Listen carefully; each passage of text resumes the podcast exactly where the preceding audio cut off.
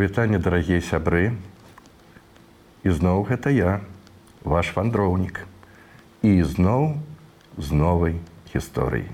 На ўскрайку лесу у норцы ля ручая жыла была зайчыха і было ў яе трое зайчанят.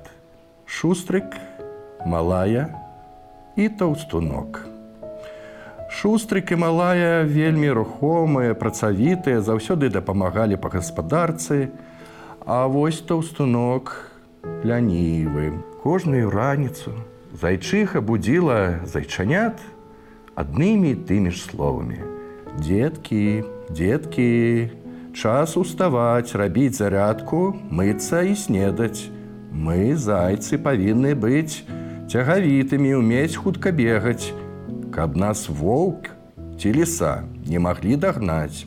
Шустрык і малая паслухмяна рабілі зарядку, мыліся і сядалі за стол.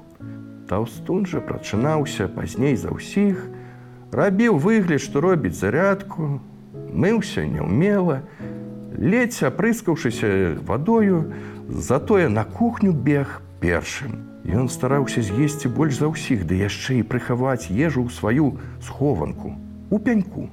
Калі зайчыхі была патрэбна дапамога, побач заўсёды былі шустрык і малая. А таўстунок заўжды казаў: « Я сёння не магу. Мяне лапка баліць. Я паляжу на соніку, пагрэю яе. Калі палягчае, можа і дапамагу. Мама зайчыха спачатку верыла таўстунку, лячыла лясной травой, перажывала за яго самаадчуванне, але потым зразумела, што ён прост хітруе. Аднойчы сустрэла зайчыха ў лесе суседа вожыка. Убачыўшы засмучаную зайчыху, ён спытаў: « Суседка, Чаму сёння такая сумная? Што ў цябе здарылася? Зайчыха вырашыла падзяліцца з вожыкам і кажа: « Добры мой сусед вожык. Я нікому не магу расказаць пра свой смутак, акрамя цябе. Ты мудры, Таму зможаш даць мне параду па выхаванні майго старэйшага сыночка таўстунка. Ён расце вельмі лянівым і хітрым. Падманвае мяне, брата шустрыка, сястрычку малую. Мы зайцы павінны умець хутка бегаць, каб выжыць, А наш таўстун толькі есть і спіць. Я вельмі хвалююся за яго, бо ён можа стаць лёгкай здабычай для ваўкоў і ліс. Уважліва выслухаўшы зайчыху, вожык адказаў: « Ты маеш рацыю зайчыха. Трэба нешта рабіць з тваім культаём. Ратаваць для ноты, пакуль не позна. Ну вось, добра ты сказаў, дядзечка вожык, ратаваць для ноты. Але як?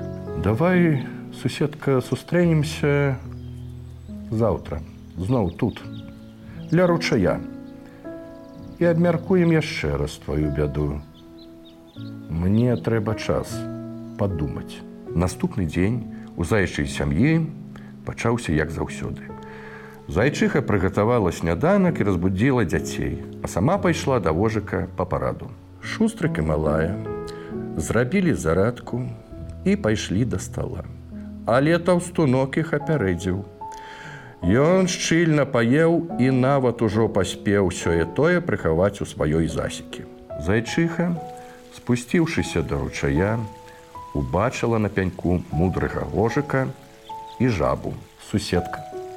Мы з квакушкай вырашылі дапамагчы табе у выхаванні твайго неўдалага сыночка таўстунка сказаў вожык і пачаў расказваць ёй свой план. Зайчанятам трэба было самастойна перабрацца праз ручай. Зайчыхі ідэя вожыка спачатку не спадабалася, бо яна баялася за дзетак.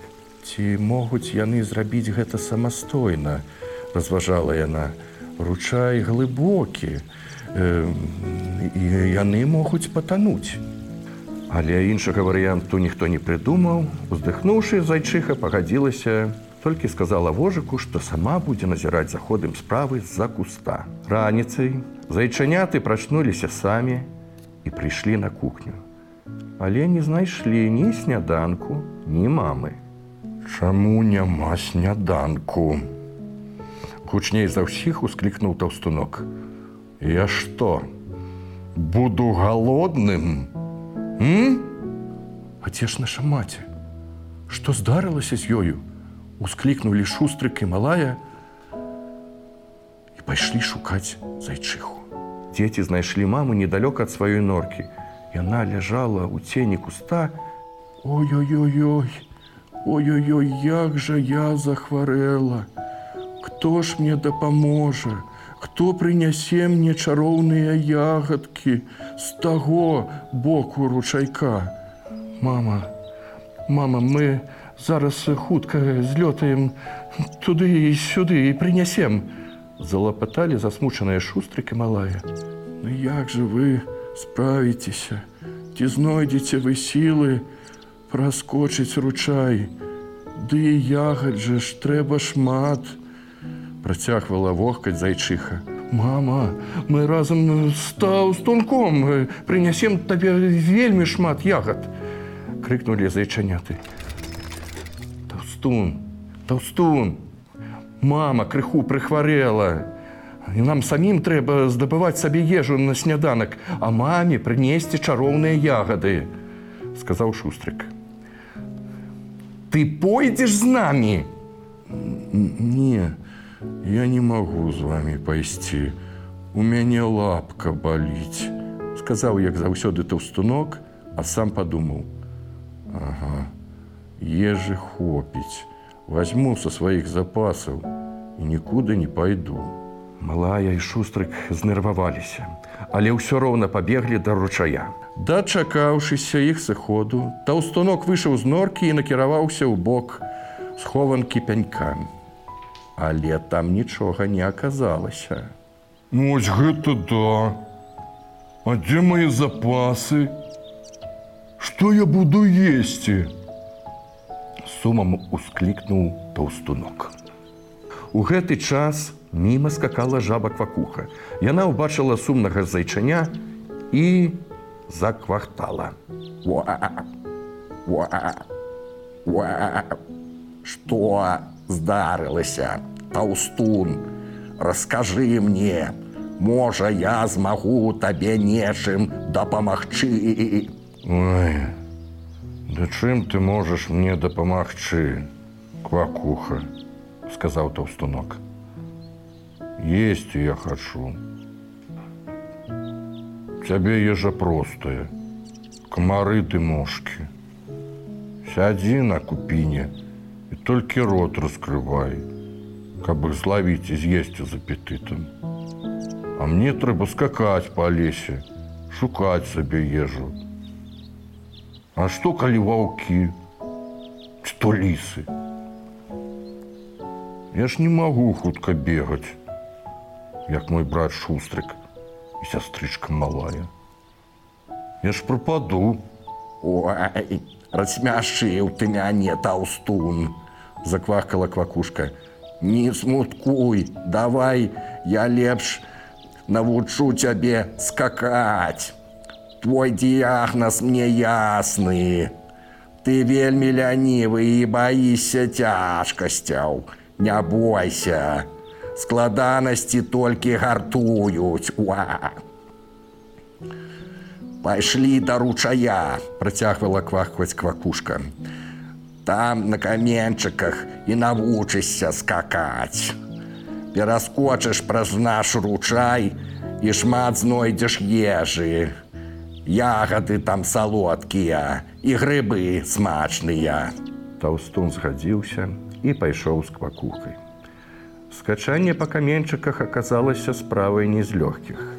То лапы раз'язджаліся, то жывот перашкаджаў, а то хвост ручаі мог. Колькі яны скакалі, таўстун ужо не памятаў. Спачатку было вельмі цяжка, але потым занятак гэты яго захапіў цалкам. Стала цікава. Квакушка ж скакала побач і падбадзёрвала яго. Ква, вось, вось малайчына, таўстун, у цябе ўсё выдатна атрымоўваецца. Давай, давай яшчэ, яшчэ разок. Ну, ну, ай, зараз давай, давай, празручай, скокнем. Оп! Таўстун і не заўважыў, як апынуўся на тым берагу ручая.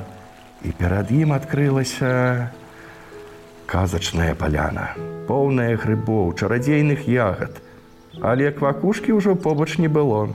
Як прыгожа! Усклікнуў таўстанок. Я змагу тут шчыльна паесці. Але спачатку трэба маме ягад набраць. Зайчыня пачаў паспешліва збіраць спелыя ягадкі. Тут з-пад куста, што бліжэй да ручая, паказаліся шустрык і малая. Яны не паверылі сваім вачам, калі ўбачылі таўстуна удалеча ад дома і здзіўлена усклікнулі: « Таўстун, гэта ты? А як ты тут апынуўся? Ды яшчэ ў такую палянку знайшоў з ягадамі грыбамі. Ну ты малайчына! Не квакушка дапамагла сюды дабрацца. Сорамам сказаў заяц. А яшчэ яна дапамагла мне ляноту перамагчы. Было цяжка, але я здзюжыў. Так.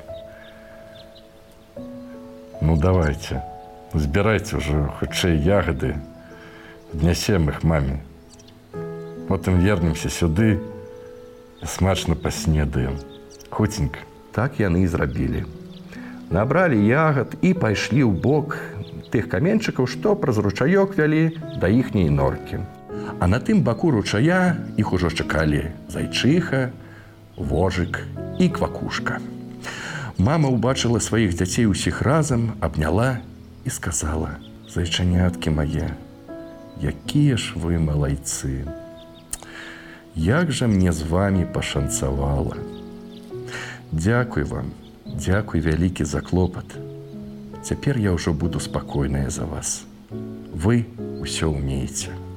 Квакушка, ты мела рацыю. Звярнуўся таўстун да жабы. Не трэба баяцца цяжкасцяў, бо яны толькі гартуюць.